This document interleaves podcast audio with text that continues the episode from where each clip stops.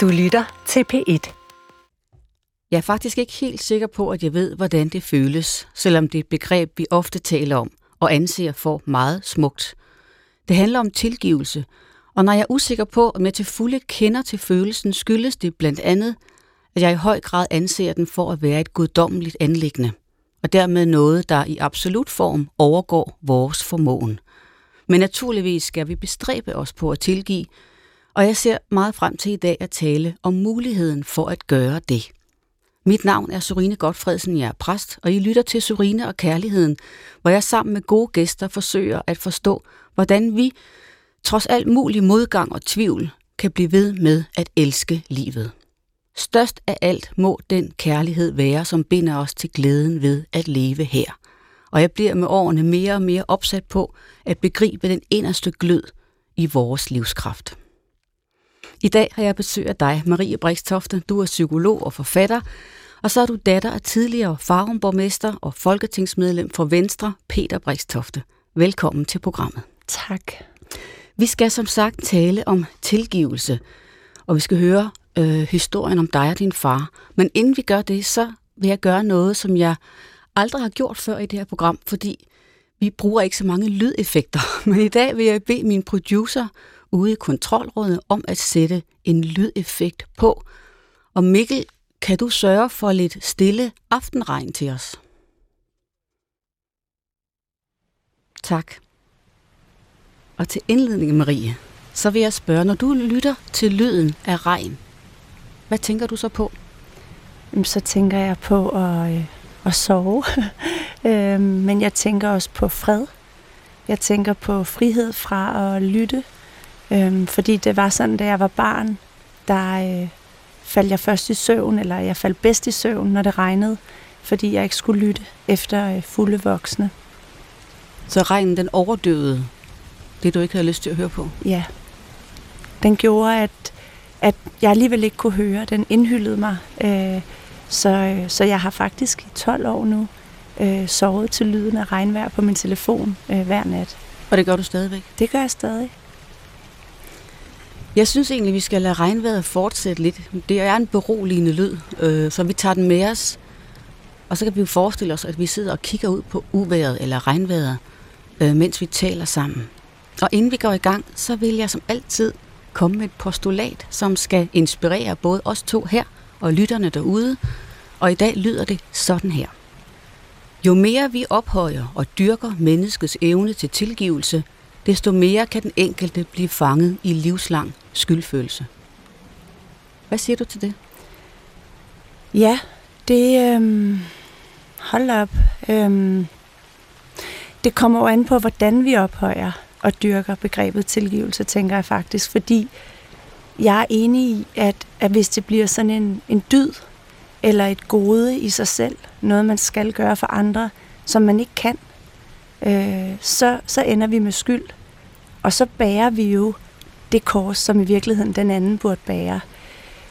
Hvis vi ophøjer og dyrker tilgivelse som en form for næstekærlighed og empati, øh, så tror jeg ikke nødvendigvis, at øh, det resulterer i skyld. Så jeg, så jeg mm. kunne tænke mig at tilføje til, til dit smukke postulat, at, øh, at medmindre vi ophøjer det og dyrker det øh, med næste kærlighed.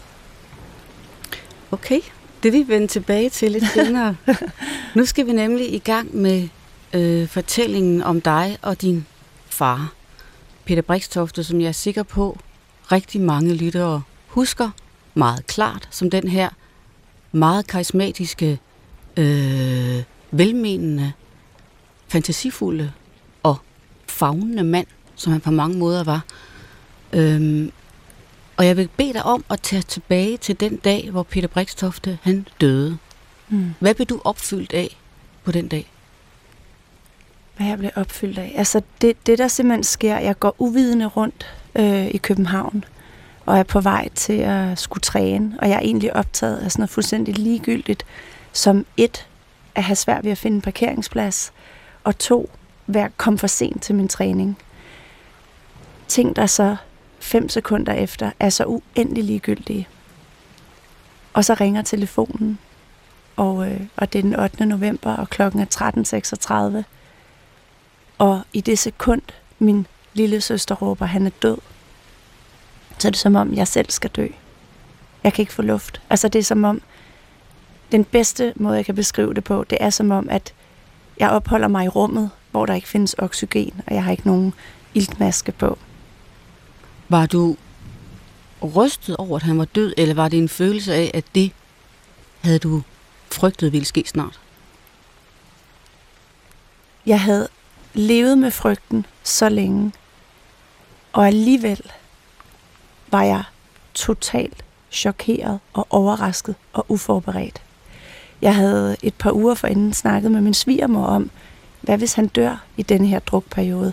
Og jeg havde sådan helt afklaret svaret, ja, men det er jeg afklaret med og sådan noget. Men jeg tror simpelthen, vi indeholder så mange aldre, og jeg tror voksen Marie, hun var, hun var afklaret, men jeg var slet ikke forberedt på alt det, alle de børn, der var inde i mig, alt, den, alt det uforløste. Og det var det, det var den del af mig. Det er sådan, det, den bedste måde at beskrive det på, det var som om tusind små Marier kastede sig ned på jorden og bare råbte, jeg er ikke færdig med dig, far. Var der i det øjeblik en, en, allerede der en følelse af, at du skulle have gjort noget mere, eller havde svigtet, eller havde været det forkerte sted? Det er svært at huske tilbage, fordi altså, og, og, til tanker, fordi jeg har et angstanfald på det her tidspunkt. Altså, jeg er optaget af ikke at dø. Jeg er optaget af at få fat i noget luft. Øhm, men, men jo, altså, fortrydelsen, jeg havde ikke set ham de sidste tre måneder, og fortrydelsen sætter ind, jeg vil, jeg vil tro, med det samme, når jeg tænker, når jeg tænker tilbage, og jeg er der i, i, i fitnesscenteret, hvor jeg bliver hjulpet af alle mulige mennesker, også mennesker, jeg ikke kender, så, så kan jeg ikke, altså, det der fylder for mig, det er, at jeg ikke kan komme tilbage til før. Altså, jeg vil bare tilbage i tiden. Til inden han døde? Til inden han døde. Når du siger angstanfald, er, det så, er du så væk? Eller Altså, jeg har aldrig haft angst før. Altså et angstanfald. Jeg kan godt have angst, men jeg har aldrig haft et angstanfald før. Øhm, men ja, jeg er... Jeg, altså, jeg, jeg tror, det må være sådan, det er at have et angstanfald, for jeg troede, jeg skulle dø. Er det sådan noget, man ikke kan få luft? Eller? Ikke at kunne få luft. Simpelthen ikke. Altså virkelig ligesom, hvis man trådte ud af en rumraket på månen, og havde glemt at tage den der øh, rumdragt på. For de fleste mennesker vil det være et stort chok, når ens far eller mor dør. Især hvis det er en dramatisk periode. Var der noget særligt, der gjorde, at du reagerede så voldsomt? På, hvis man kan sige sådan det, altså at mennesker er sådan sammensatte, så tror jeg virkelig, der var en del af mig, der ikke troede, han ville dø. Fordi det her var jo ikke første gang, han havde været i en drukperiode. Altså på det her tidspunkt, der var det sådan noget fem gange om året, han blev indlagt med alvorlig alkoholforgiftning, og hvor de scannede hans hjerne for hjerneskade, og hvor de sagde til ham, Peter, du dør af det her. Men han døde aldrig. Han bouncede bare tilbage, og glad og fræk, og sad og flyttede lidt med sygeplejerskerne, og, og sagde, jeg bliver 100 år, bare vent og se, og sådan noget. Ikke? Så, så jeg troede, altså en del af mig troede virkelig på det. Og så var der jo selvfølgelig den der del af mig, der altid var i alarmberedskab, og altid tog telefonen, når den ringede. Så der var også et element af, at du den dag og i det øjeblik nærmest blev kastet ind i en virkelighed, du ikke kendte, fordi du ikke havde troet, den ville opstå? Fuldstændig. Jeg havde ingen fornemmelse for, hvad det vil sige at være i ægte sorg. Hvornår begyndte du så at overveje det her med, om, om du øh, nærede skyldfølelse? Om du, øh, var, noget, var der noget, han skulle tilgive dig for? Det bliver tydeligt for mig allerede. Jeg sidder og snakker med min mand. Vi, vi får mulighed for at se ham på retsmedicinsk. Døgnet efter, han er blevet fundet død. Og, øh, og først havde jeg faktisk sagt nej. Fordi jeg havde sådan en stærk fornemmelse af, at jeg ville splindre, hvis jeg skulle se ham. Og så får jeg sovet på det, og så, og så er det dagen efter der, og, og, så, og så tænker jeg på det der med, at man altid kun fortryder det, man, man ikke gør, eller hvad det hedder. Så, så jeg tænkte, jeg må gøre det. Jeg må overleve det. Jeg vidste jo godt et eller andet sted, man ikke ægte kunne dø af det. Og så holder vi der uden for retsmedicinsk, og jeg sidder i bilen. Og jeg har ikke igen, Altså, jeg er sådan et kontrolmenneske. Jeg har ikke nogen manual til det her, jeg står i. Så jeg siger til min mand, hvad siger man til en død far? Og så siger han, jeg synes, du skal sige, du tilgiver ham. Og jeg bliver næsten vred på ham. Jeg er sådan, tilgiver ham? Er du sindssyg? Jeg, det er ham, der skal tilgive mig. Og pludselig der går det sådan ægte op for mig, at al den vrede og al den måske, altså alt det, jeg godt ville have haft, han undskyldte, da han levede, det var væk. Men nu var det min anger, og min, hvad kan man sige, øhm, altså den vrede, jeg havde, var rettet totalt ind af, og det er, ja. Det mærkelige er, at jeg mistede min mor i 2009, og var også inde i kapellet i Randers, ja. og se hende. Ja. Og det underlige er, når man ser sin far eller mor ligge død, så er det præcis som du beskriver nu, at meget af det, eller måske alt det, man har kunne bebrejde sin mor eller far, er simpelthen forsvundet sammen med personens sjæl. Yes. Der er kun det her læme tilbage, og så kan man godt sige noget til personen, men det er forholdet er simpelthen forandret. Fuldstændig. Og, på, og derfor, altså, jeg har et bedre forhold til min far i dag, mm. end jeg havde, da han levede. Ja, jeg kender det fuldstændig. Ja, og det er svært for nogen at forstå. Jeg har ham med mig hele tiden. Vi har det super godt. Altså, jeg tjekker ind med ham og sådan noget. Altså, og dengang var der den der bitterhed, men som du siger, det, det er sådan et kvalitativt ja. anderledes forhold. Ja. Og det er jo gaven. I høj grad. Og vi kommer selvfølgelig tilbage til det med, med tilgivelsesforholdet. Men jeg vil godt lige springe lidt i tiden. Nu går vi lidt tilbage i tiden. Du fødte i 1979, og ja. din far og mor øh, blev skilt, da du var tre år gammel. Og du flytter sammen med din mor og din lille søster. Og som 13-årig, så vender du tilbage til din far for at bo øh, hos ham. Og nu er vi i begyndelsen af 1980'erne. Og din far, han er... 1990'erne. Øh, ja. Undskyld, 90'erne. Ja. Og din far er mere og mere populær mm. og landskendt, og bliver også set som en mand, der skal helt til tops i Venstre. Ja. Øh, jeg husker det meget tydeligt, at han var kometen ja. engang. Kronprinsen. Ja, i ja, den grad kometen, kronprinsen, ja. ja. Øh, og sin måde at løse problemerne på i farm og så videre. Men han var også svær at leve sammen med som teenager. Kan du fortælle lidt om, hvordan dit liv var med ham, da I boede sammen, og du var der mm. øh, en, ved at være en ung kvinde? Ja. Da jeg flytter fra min mor og hendes mand over til min far og hans kone, så bliver jeg, altså den bedste måde, jeg kan beskrive det på, det er sådan forældreløs. Fordi jeg mister lidt kontakten med min mor og hendes mand. Det var inden mobiltelefonen, og ja, de var optaget af, at de havde fået nogle deres nye børn og sådan noget. Og jeg kommer ind i det her hjem, som er pænt og, og ryddet op, og der er tit gæster, men der er ingen forældre. Min, min stemmor, hun var sådan en, man ikke rigtig kunne bruge til noget følelsesmæssigt. Øhm, og min far var der simpelthen ikke. Altså, han var der ikke fysisk eller psykisk. Så jeg, jeg er ensom og alene og altså flakker, hvis man kan sige det sådan, inde i mig selv. Socialt får jeg det rigtig, rigtig godt, men, men, men jeg skal stå alt for tidligt på egen ben, og det forhold, vi får, det bliver så på en måde mere jævnbyrdigt, fordi at han betror sig til mig nogle gange om affærer og ting og sager, og det er jo ikke sådan, forældrerollen skal være. Altså, det bliver det, der hedder følelsesmæssig incest, som er omvendte forældreroller. Øhm, men, men man tager, hvad man kan få som barn, for man vil jo gerne have ja, noget er bedre end intet. Ikke? Mm. Ved du selv på det tidspunkt, at din far øh, også har problemer, eller anser du ham for at være stærk? Begge dele. Øhm, jeg havde lige læst, jeg, jeg læste hver dag hele tiden. Jeg var vildt optaget af litteratur. Og jeg havde læst Christiane F. Og, øh, og, jeg, og jeg kan virkelig huske sådan at tænke, altså hvis man tager et vanedannende stof hver dag, må man blive afhængig. Altså den ligning kunne jeg lave op i mit hoved. Men jeg havde samtidig ikke sådan begreb for, hvad det var, han var. Fordi han var jo ikke manden på bænken. Så, så, så jeg tænkte ikke, at han er alkoholiker, men jeg var bevidst om, jeg vidste, om han er ved at blive afhængig af det her vanedannende stof. Samtidig har jeg aldrig kendt et menneske så stærkt. Hvordan var han stærk? Mm. Han var stærk, fordi han rummede og lave så meget forandring. Han rummede og stå i enormt meget modgang. Tit tog han beslutninger, der var upopulære, og så viste det sig, at de var gode, og han sagde sådan nogle ting til mig, sådan noget, Marie, ligegyldigt hvad du gør, så er der altid nogen, der vil være utilfredse. Så du kan lige så godt gøre det, du synes, der er rigtigt. Og sådan nogle ting, det synes jeg er stærkt. Altså, så, så har man integritet.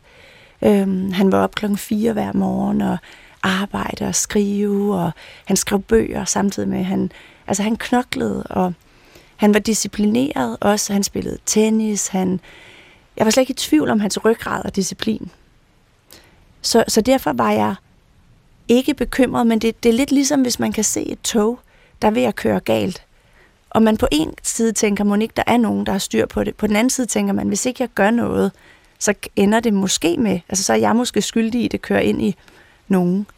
Så jeg følte også, at jeg skulle gøre et eller andet. Hvad, hvad forestillede dig, du kunne gøre for at påvirke ham? Jamen, jeg, jeg, jeg, jeg satte mig ned med ham og bad, om, bad ham om ikke at drikke hver dag. Og hvad sagde han så? Så sagde han, øh, åh, lille skat, du skal overhovedet ikke være bekymret for, om jeg bliver afhængig, for jeg holder jo hver januar alkoholfri. Og jeg synes egentlig, det var et meget godt argument. Og, og jeg tænkte sådan, nå, men så er der måske styr på det. Altså, en, som 13-årig vidste jeg ikke, at nu ved jeg, at det er ret nemt faktisk for selv alkoholikere at holde januar alkoholfri. ikke at det ikke er en sund og god ting at gøre, men, men det er i hvert fald ikke bevis på, at man ikke er afhængig. Øhm, så jeg lod den ligge, og så bliver jeg så lullet ind i den kultur, der er, at jeg stopper med at sige mere om alkohol. Fordi når jeg sådan, da jeg var i min barndom og ungdom, der var det faktisk ret tydeligt, at man ikke skulle sige noget om alkohol. Mm. Men, men noget af det, der sker, når, når store børn taler direkte til deres forældre, på den måde, som du gjorde med din far der, det er jo, at, man kan, at rollerne kan bytte, mm. og at barnet bliver den ansvarlige, og at faren måske også bliver flov eller forlegen eller irritabel ved en besked fra din side. Nu må du ikke drikke så meget. Jeg er helt sikker på, at han skammede sig. Helt sikker. Men jeg er glad for, at jeg gjorde det. Mm. Og man kan sige, at rollerne var allerede byttet om. Så du var den ansvarlige? Jeg var den ansvarlige, ja. Du oplevede også, at han virkelig svigtede dig øh, på en sådan meget øh, konkret vis. For eksempel skulle I ud og spise på en restaurant, Krogs Fiskerestaurant midt i København. Kan du ikke lige fortælle, hvordan den oplevelse var? Jo. Øhm, det her, det er en ud af helt utrolig mange oplevelser, øh, som jeg har valgt at, at inkludere i min bog. Så, så jeg kunne fortælle denne her, og jeg kunne fortælle utrolig mange andre. Fordi det her, det var gennemgribende, den måde at blive svigtet på. Øhm, men præcis denne her episode, jamen det er, at øh, jeg har haft det svært. Jeg siger til min far, at jeg savner ham og har det svært, og han siger, han vil fikse alt jo. Sådan, sådan var han. Så ja, vi mødes, vi mødes inde i byen, og kom, og klokken dit og dat. Og jeg tror endda, så vidt jeg husker, så øh, tager jeg også fri fra, fra skole, fra gymnasiet. Dengang var der jo ikke alt det stress med fravær. og så tager jeg ind og mødes med ham, og jeg kommer derind, og jeg er altid bange for, at han, han ikke kommer. Altså, fordi det, var, det skete oftere, end det ikke skete. Jeg bestiller lidt, og så videre, og lidt en juice måske, og øh, måske tager, begynder at spise noget brød. Og så går der en halv time, og så kommer tjeneren, og det det her igen inden mobilen, så kommer tjenerne og siger, at, at sekretæren har ringet og sagt, at han sidder fast i et møde. Og så tager jeg hjem igen. Lige i det øjeblik, du får den besked, hvordan reagerer du så? I virkeligheden bliver, er der nok endnu en del af mig, der bliver knust. Jeg er ret sikker på, at, at alt det her har bare har sådan hugget ind i mit selvværd som sådan en billedhugger, eller sådan en der, stenhugger, der bare hugger af, bid for bid. For, for jeg følte mig ikke noget værd. Og konfronterer du det med ham bagefter? Nej, fordi samtidig er jeg toptrænet på det her tidspunkt i at gå over i hans følelser. Så simultant med, at noget, altså at jeg får en mindre værtsfølelse, så mærker jeg lysten til at redde ham. Altså, lysten til at sige, ingen problemer, og selvfølgelig, alle kan jo sidde fast i et møde, og det er da lige meget, jeg skal alligevel så meget andet, og så kan jeg komme hjem og lave lektier, og altså alt den der redning, for børn vil så gerne redde, nu, mm. for børn vil gerne redde forældre, og det, det, det er tydeligt for mig, at, at jeg var optaget af altid at redde ham. Det kan også blive del af ens identitet og insistere på at være overbærende. Fordi man har en forestilling om, at det er det, det, er det der gør mig stærkest. Ja, og så er det det, der gav mig mest mulig kærlighed og nærvær. Hvis jeg havde konfronteret ham og krævet noget, så havde jeg helt sikkert fået mindre, end jeg fik, hvis jeg var overbærende. Og nu siger jeg lige noget som psykolog, men det er, at børn gør altid det, der skal til for at få mest mulig kærlighed og nærvær. Så jeg er helt sikker på, at den her strategi for mig var det klogeste på det tidspunkt. Men det gør jo så, at jeg er blevet alt for overbærende også som voksen. Ja. Nu nævnte du lige før din bog, og der skal jeg selvfølgelig lige sige, at den hedder Kun når det regner, og er din personlige beskrivelse af hele det her forhold til din far. Og i den bog, der indgår også selvfølgelig øh, fasen, hvor han hvor det begynder at gå ned ad bakke, fordi BT i 2002 begynder at afdække de ting i din fars karriere, der var mindre vellykket. Og det var jo hans forskellige former for ulovlige forhold i kommunen, og hans, øh, det er det, man kalder farumsagen i dag, og hans, øh, også hans alkoholmisbrug for kommunens penge, og han blev idømt to års fængsel. To gange to års, faktisk. To gange to års fængsel. Ja. I den fase, hvor, hvor, hvor, hvor fundamentet begynder at vakle under ham, hvordan oplever du det? Det er voldsomt. Jeg er toptunet til at gå ind i andres følelser, så jeg er hele tiden over i hans følelser. Jeg er bange for, at han vil tage sit eget liv. Jeg er bange for, at han aldrig vil rejse sig igen. Jeg er bange, bange, bange. Øh, jeg får faktisk forstoppelse øh, for første gang i mit liv. Øh, og det er jo sådan en typisk reaktion på at være bange. Så, så jeg, jeg er vildt optaget af ham. Øhm, har du, at, ser du som din opgave at beskytte ham mod alt det, Absolut. der rammer? Ja, altså i det omfang, jeg kan, fordi mm. det er nærmest umuligt. de, det hele var tilrettelagt, og der kom sådan en ny overskrift hver dag. Når det så er sagt, så bliver han også sendt på alkoholafvænding. Så der er også en del af mig, der er ret lettet og optimistisk, for jeg tænker, nu kan det dog være i det mindste, at der kommer noget godt ud af det på den front. Hvordan er det at se sin far blive bange? Det er jo alle døtres skræk, det er, at min far bliver bange. Ja, ved du hvad? Når jeg, altså, på en måde følte jeg ikke, at han var bange, bange. Fordi han på det tidspunkt, i hvert fald det i 2002, da skandalen ruller, og indtil han sådan får de første domme, der er han, der er han fuldstændig overbevist om, at han ikke bliver dømt. Og at han ikke har gjort noget ulovligt. Så derfor er han meget lidt bange der, og meget optimistisk. Så det er egentlig... Men, men, men da han først får dommen, og da han så også kommer ind i fængslet, det er ulideligt. Ulideligt. Jeg kan ikke køre forbi, for eksempel, jeg kan ikke køre forbi Horserød, uden at få et kvalme stadigvæk den dag. Hvad er det, der var ulideligt helt konkret ved det? Øh, ulideligt at se altså en mand knække.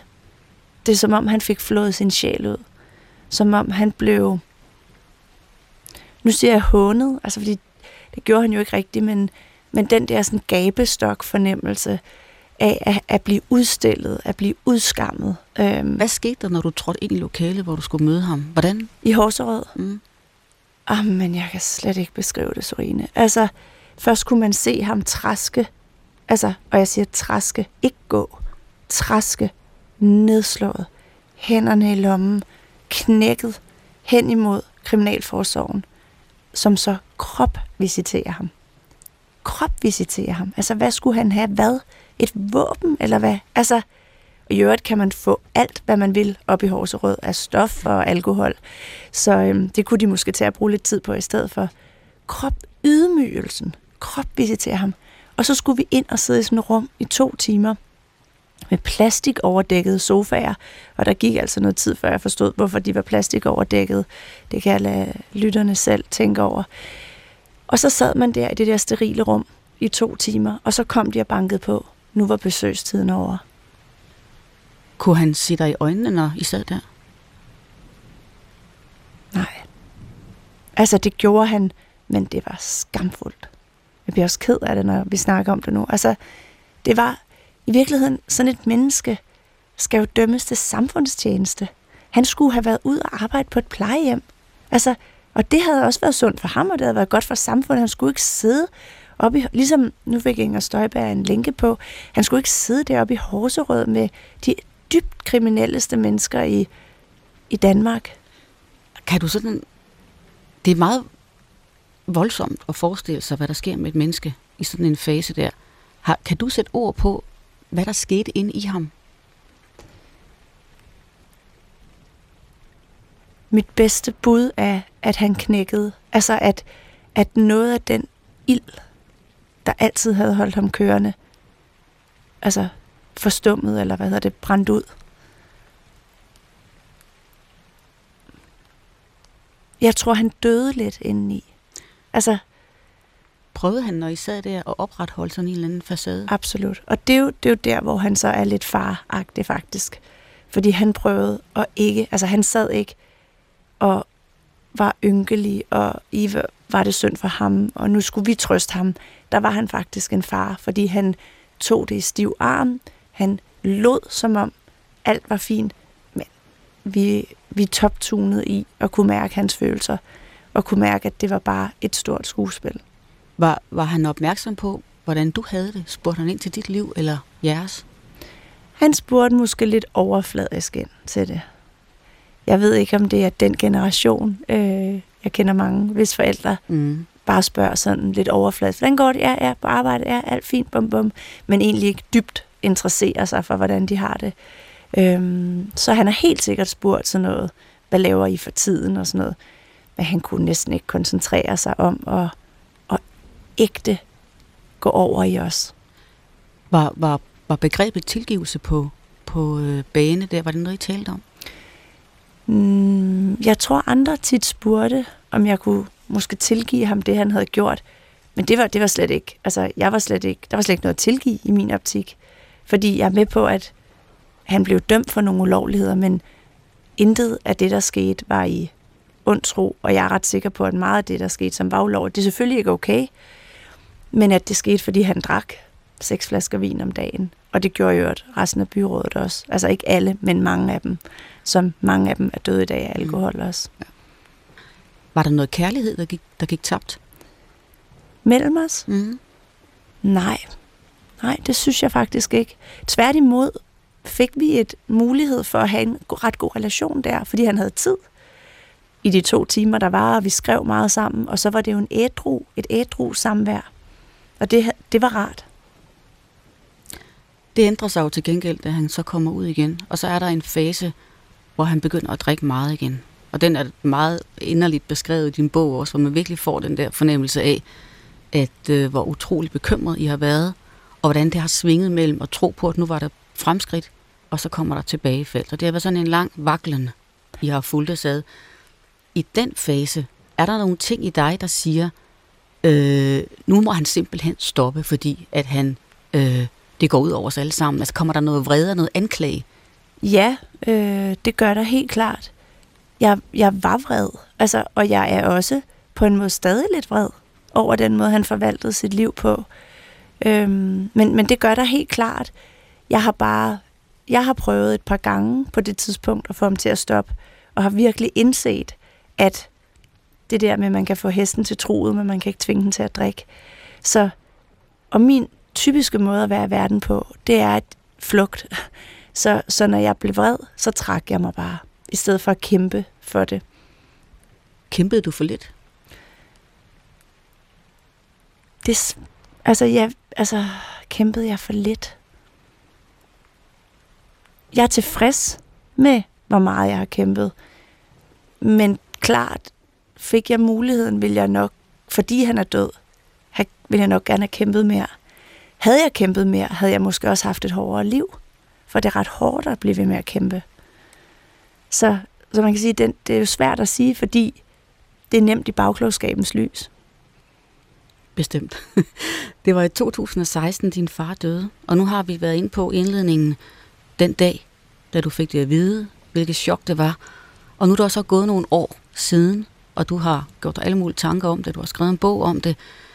De tanker, du havde om skyld og tilgivelse, mens din far levede, hvordan har de forandret sig nu, hvor han ikke er her længere? Du var selv inde på det her med, som vi begge har oplevet, at nogle rigtig meget negativt i synet på ens forældre dør, når de dør. Fuldstændig. Jamen det er, jeg vil måske i virkeligheden ønske, at mange mennesker vidste det, fordi at så skulle jeg ikke have spekuleret så meget, eller brugt så meget energi på min vrede, da han levede, som egentlig lå imellem os og, og ødelagde noget af vores forhold. Så, Hvad er det, du gerne vil have, man vidste? Jamen, at, at i det øjeblik, de dør, så ophører det. Altså, og så kan det jo så selvfølgelig være, at det var sådan for os to, men ikke for alle mulige andre mennesker. Det ved jeg ikke. Mm. Jeg ved ikke, om det er en generel ting. For jeg tror også, at der er nogen, der ikke kan tilgive deres forældre, eller... Mm, men, men jeg er ærgerlig over, at det er nu, hvor han er død, vi har fået sådan et godt forhold. Mm. Ja, jeg kender det. Hvad er det? Hvordan vil du beskrive dit forhold til ham nu? Mm.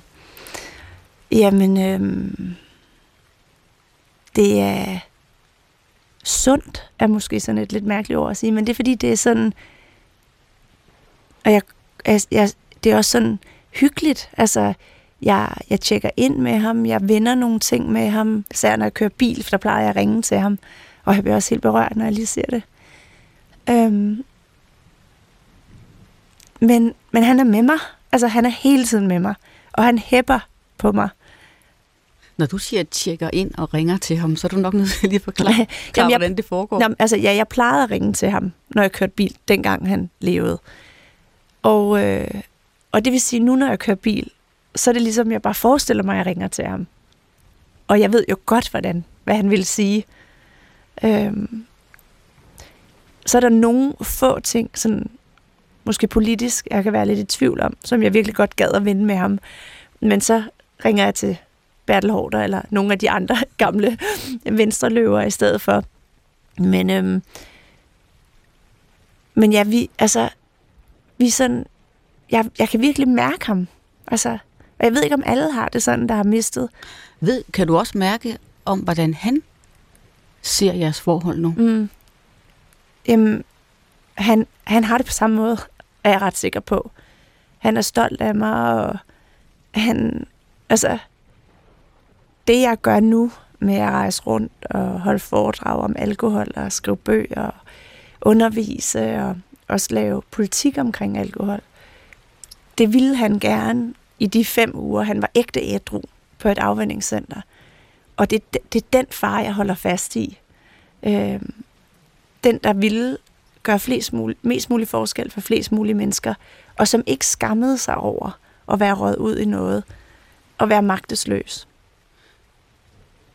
Jeg vil lige sige, at eftersom jeg tror på evigheden, mm. tror jeg også på, at de døde kan være i samtale med os nu, mm. og nær kontakt, og at der er en, det tror jeg, det der har med salighed at gøre, og tilgivelse, Guds tilgivelse, at der er en øh, indsigt i dem, der har forladt os, angående dem, vi er her stadigvæk, ja. og angående den relation, vi havde og har. Så jeg er med det, dig hele vejen i forhold til det. er præcis sådan der, jeg har det. Altså, fuldstændig. Vi skal lave et lille spring, Marie, mm. til den øh, berømte myte om Narcissus, mm. som øh, du garanteret kender, mm. og som jo er en gammel øh, øh, fortælling fra øh, mytologien om den her smukke gudesøn, som øh, bliver forelsket i sit eget spejlbillede, og som driver nymferne til vanvid, som færdes omkring ham i skoven, fordi han ikke vil have noget med nogen af dem at gøre. Og nymfen Ego, hun er meget forelsket i Narcissus, og hun kan kun gøre det, at hun gentager, hvad andre siger, deraf hendes navn. Og det lykkes hende at blive alene med ham og se sit snit til at åbne armene og nærme sig ham. Og så sker der det her, og nu citerer jeg fra øh, udgaven Ego og Narcissus af James Gardner, og det er også selv, der har oversat det her. Og Narcissus han råber sådan her. Væk, råbte han og trak sig tilbage som fra noget, han havde. Væk, jeg vil hellere dø, end at du skal få mig. Få mig, råbte Ego ynkeligt, mens hendes råb var forgæves. Narcissus havde ingen kærlighed at give hende, og hans væmmelse fyldte hende med skam. Og myten endte med, at Narcissus han kommer til at sidde ved et, et vandløb eller en lille kilde og kigger ned og ser sit eget spejlbillede og bliver så betaget og dybt forelsket, at han aldrig kommer fri af det igen. Mm. Og når han prøver at omfavne sig selv, så bliver spejlbilledet jo ødelagt, fordi der er ikke noget rigtigt menneske. Og det ender med, at Narcissus han øh, går til her ved vandet. Og selvom jeg godt ved, at din far elskede dig højt, og I elsker hinanden stadigvæk, så er der bare nogle tråde i det her, som er så grundlæggende for os mennesker, at vi kan blive så fortabte i os selv, at vi har svært ved at tage imod det, som bliver ragt frem til os. Mm. Kan du se noget af det her i den her tanke øh, hos din far, at han havde svært ved at komme fri af iagtagelsen af sig selv? Ja, det kan jeg godt. Og jeg øh, ved også, at, at når man udvikler et alkoholmisbrug, så udvikler de fleste en narcissistisk personlighedsforstyrrelse. Så de to ting er gået hånd i hånd. Øhm, grunden til, at jeg lige tøvede i, det, i mit svar, det er fordi, at, at jeg også er meget mm, sikker på, at min far prøvede at redde alt og hele verden. Altså gøre mm. en mhm. kæmpe forskel for at undgå at mærke sine egne følelser. Han har haft en forfærdelig barndom med vold i hjemmet og en, en mor, der blev banket og så videre, som han var vidne til. Så, så det har både været sådan et, et projekt om at, altså både sådan et narcissistisk projekt, mere og mere, mm. også i kraft af alkoholmisbruget, men startede i virkeligheden som en, i min, altså min fortolkning af det hele, som en flugt fra at mærke egne følelser ved at redde alle andre. Måske skal du lige som psykolog sætte to ord på, hvad en narcissistisk personlighedsforstyrrelse er. Ja, altså det er øh, en, øh, hvad hedder det, et menneske, der er øh, hvad hedder det, forstyrret i en grad, hvor det er et handicap, men, men optaget af sig selv og tror, at de selv er kan mere i virkeligheden end andre. Altså på en eller anden måde ophøjer sig selv øh, og, og har højere tanker om sig selv end andre. Og ikke på en snobbet måde, fordi min far var ikke snob, men, men han var ret overbevist om, at han kunne noget, som ingen andre kunne. Og på en måde havde han jo også ja, ret. Han havde altså, faktisk ret. men, men problemet var, at det så i, i hele misbrugskampen faktisk gik ind og spændte vældig meget ben, og det er jo også det, der sker med, når folk kommer rigtig ud af deres misbrug, så tænker de, men jeg kan godt styre det. Godt være, at alle de andre alkoholikere ikke kan, men jeg er unik, og jeg kan. Og betyder det også, at sådan et menneske har svært ved at, øh, at, at tage imod det? Også det, du gerne vil give din far? At der er et eller andet i, i hans selvopfattelse eller hans reaktioner, Helt som klart. holder det på afstand? Helt klart. Altså, han kunne jo have skruet ned for at redde alle andre, og, og, og taget imod den kærlighed, han fik fra sine børn, for eksempel. Men det ville forudsætte, at han følte sig værdig til at blive elsket. Og det tror jeg faktisk ikke, han gjorde. Nej. Og det er præcis det, vi nogle gange tager fejl af i, den, i tanken om Narcissus-myten, at vi tror, at selvforelskelsen er en, er en lykkelig, selvglad tilstand, men den er jo en dybt ulykkelig tilstand. Og vi kender den alle sammen i en eller anden grad. Det er helt overbevist om, det gør jeg også.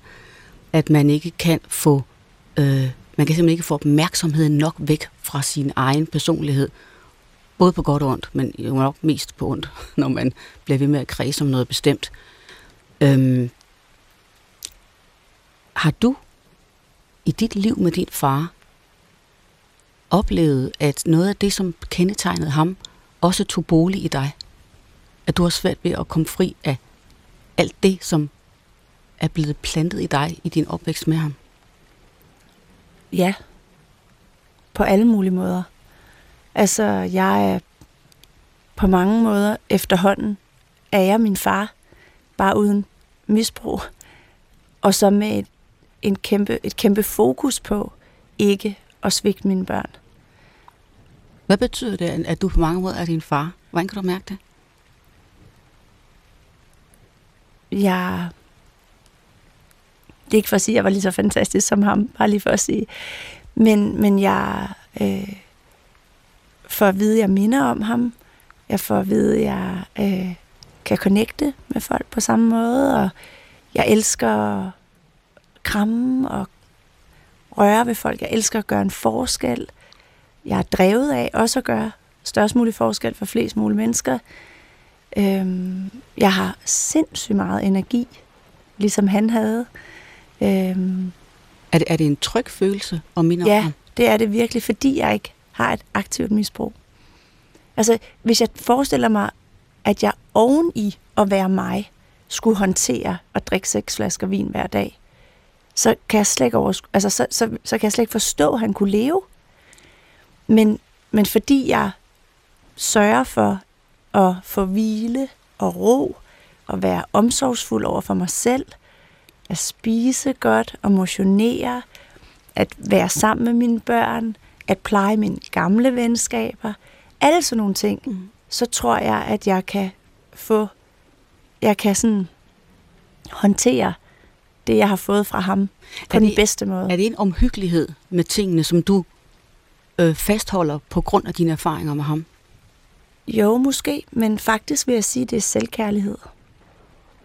Ja, det skal du lige beskrive, Altså, hvad du nu mener kommer med. vi måske næsten tilbage til Narcissus, mm. men, men i virkeligheden er, altså, jeg tror på, at den vigtigste relation, vi har, det er med en selv. Fordi vi jo, vi er jo født med os selv, og vi skal leve sammen med os selv, og vi skal være, altså, vi er jo sammen med os selv hele tiden, medmindre vi, ja, dør. Så jeg går op i at tjekke ind med mig selv, og være kærlig over for mig selv, og tilgivende og tale pænt til mig selv og pleje mit hylster. Og det kan man godt kalde selvfølgelig omhyggelighed, men, men omhyggelighed, det mangler bevæggrunden til at være omhyggelig. Og bevæggrunden for mig, det er selvkærlighed. Jeg kan ikke, hvis jeg ikke elsker mig selv, så kan jeg ikke også være noget for andre. Men har du ikke, ligesom din far, med alle de talenter, han havde, så var det jo også tydeligt, hvor meget han holdt af at blive anerkendt, fordi Jo, han kunne, jo. og øh, rost, og ops, er set som noget særligt. Er det noget, der følger med også for dig? Ingen tvivl om, at jeg også har brug for anerkendelse og ros. Det tror jeg, de fleste har, som faktisk har lavt selvværd. Så det, det er mit drug også. Øhm. Men jeg ser ikke mig selv som noget særligt.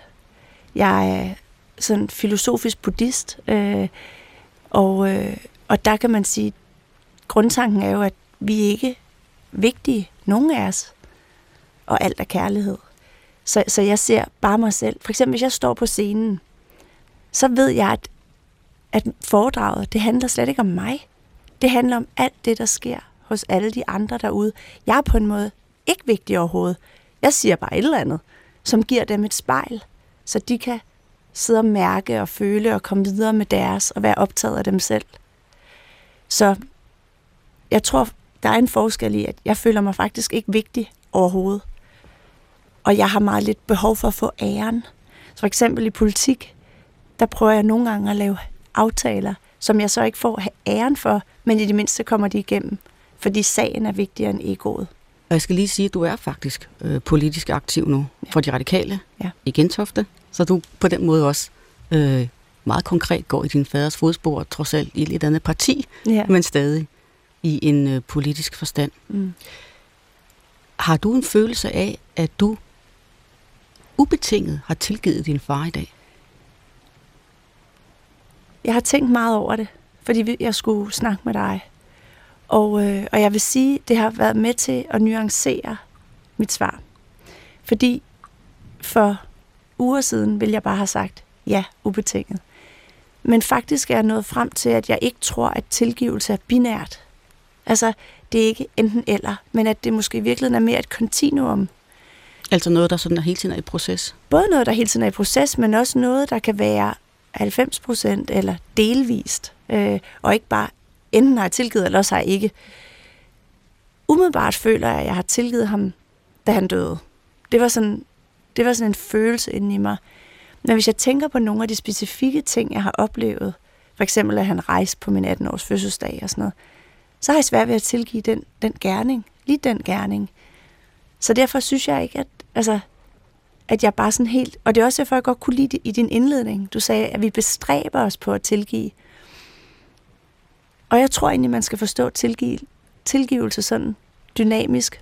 Det tror jeg er meget rigtigt. Og når jeg er indledt på den måde, og når også det kommer fremgår postulatet, som vi kommer tilbage til lige om lidt, så er det netop fordi, at hvis mennesket tror, at det skal kunne leve med en følelse af ubetinget tilgivelse, så vil det gang på gang opdage, at så enkelt er det ikke. Nej. Der er stadig pletter og huller Præcis. og tilbagefald og alt muligt andet, hvor man ikke bare kan tilgive, fordi det i min verden kun er Gud, der kan der kan tilgive absolut, og at vi må bakse i hele den gråzone, Mm. hvor det, kan, hvor det kan føles anderledes.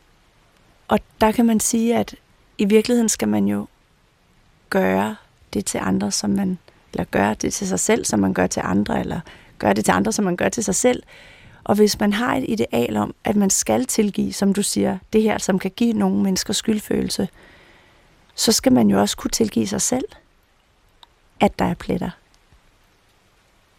Se, Ja, altså, men hvad, når, det der med at tilgive sig selv, jeg er med på, at man skal kunne øh, leve med ikke at være perfekt.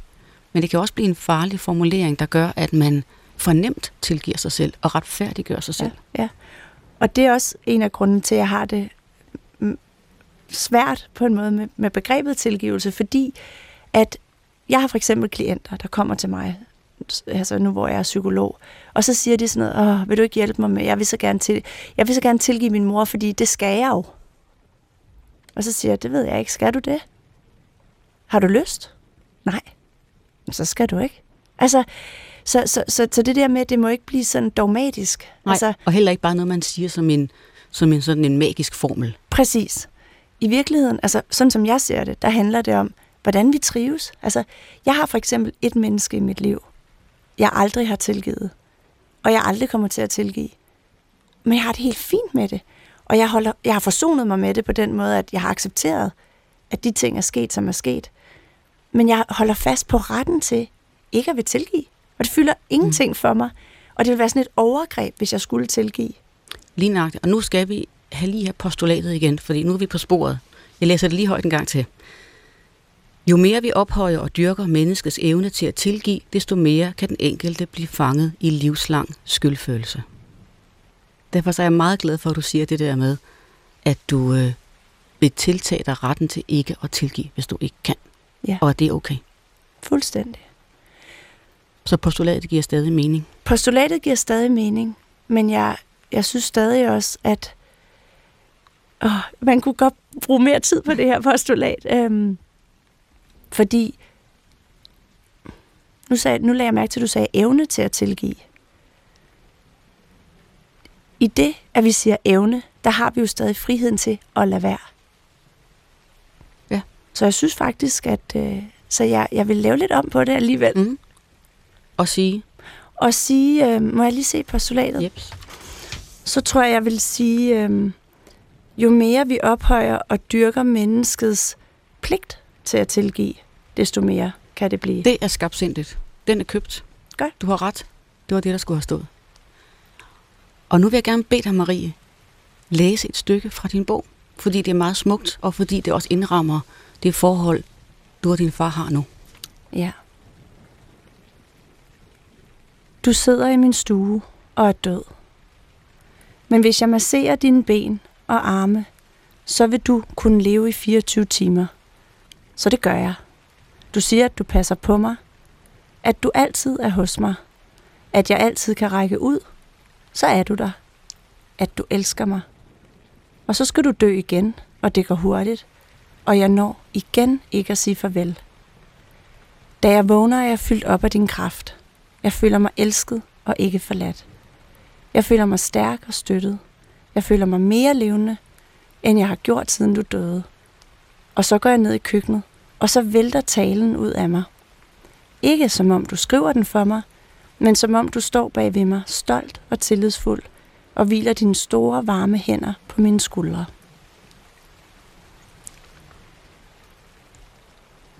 Marie, hvis du skal sige nogle ord om, hvad dit forhold til din far har lært dig, både angående dig selv og angående kærlighed og tilgivelse, hvordan vil den beretning så være, udover at den faktisk står her i bogen? Så vil jeg spørge dig, kan du sige, kan du sætte ord på, hvordan den visdom folder sig ud nu, Den visdom, der ligger i vores forhold, og i dig? det handler om at mm, det handler om kærlighed. Øh, kærlighed. Jeg har svært ved lige at skelne det fra, hvad han har lært mig. Må jeg godt svare på det? Mm. Er det lidt det, du spørger mig? Ja. Jamen, så, så handler det om, at øhm, at elske, altså det her, det lyder meget hippieagtigt, men det er virkelig sådan, jeg har det, at alle mennesker har ret til kærlighed, og alle har ret til at blive set. Og at øhm, at vi også er fejlfulde. Altså, at min far prøvede virkelig, og alt det, han kunne med alle andre, kunne han ikke med sin nære, for det kunne han ikke med sig selv.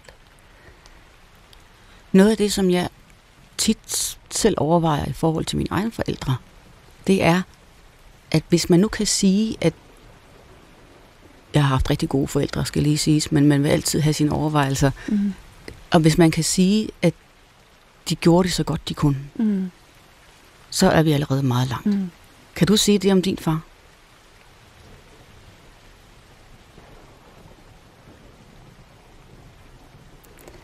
Nej, ikke helt. Altså, jeg synes, han gjorde det så godt, han kunne som politiker. Ikke da han så begyndte at drikke, men, men jeg synes, jeg synes, han havde et ansvar som forældre. Men kunne han have løftet det bedre, hvis han ville? Så det er jo svært at sige, fordi havde han så ikke gjort det. Men det, det tror jeg godt, han kunne, hvis han havde haft fokus væk fra at redde hele verden og, nar, og, og narci, altså narcissismen. Så, så det tror jeg godt, han kunne. Altså, han stillede krav til andre mennesker. Også til mig, og det var jeg glad for. Men jeg, jeg vil gerne holde fast i nogle krav til ham også. Jeg synes godt, han kunne have gjort det lidt bedre. Og det mener jeg slet ikke vredt eller bittert. Det mener jeg bare som sådan en... en øhm, på en måde er det også... Jeg synes, det er for nemt at, at sige... Jamen, fordi så har alle forældre jo gjort det så godt, som de kunne per definition. Og det fritager os på en eller anden måde fra et ansvar. Ja, det har du ret i. Så, så jeg vil gerne holde fast i, så, så, så når jeg snakker med ham, så siger jeg måske, ah, den kunne du godt have gjort lidt bedre. Ligesom han vil sige til mig. Og jeg skulle nemlig lige til at spørge dig, når du taler med ham. Ved han så godt selv, at han ikke gjorde det helt så godt, som han ja, kunne? det ved han. Men han var jo bare et menneske. Og der i ligger måske tilgivelsen. Marie Brikstof, det var en meget smuk afslutning. Det har været en stor fornøjelse at tale med dig. I lige måde. Tak fordi du ville komme og besøge Sorine og Kærligheden. Programmet var sat sammen af min producer Mikkel Clausen og jeg selv. Jeg hedder Sorine Godfredsen. Vi sender hver torsdag kl. 10 på P1 og igen søndag kl. 9. Og man kan altid høre programmerne på DR Lyd. Tak fordi I lytter med.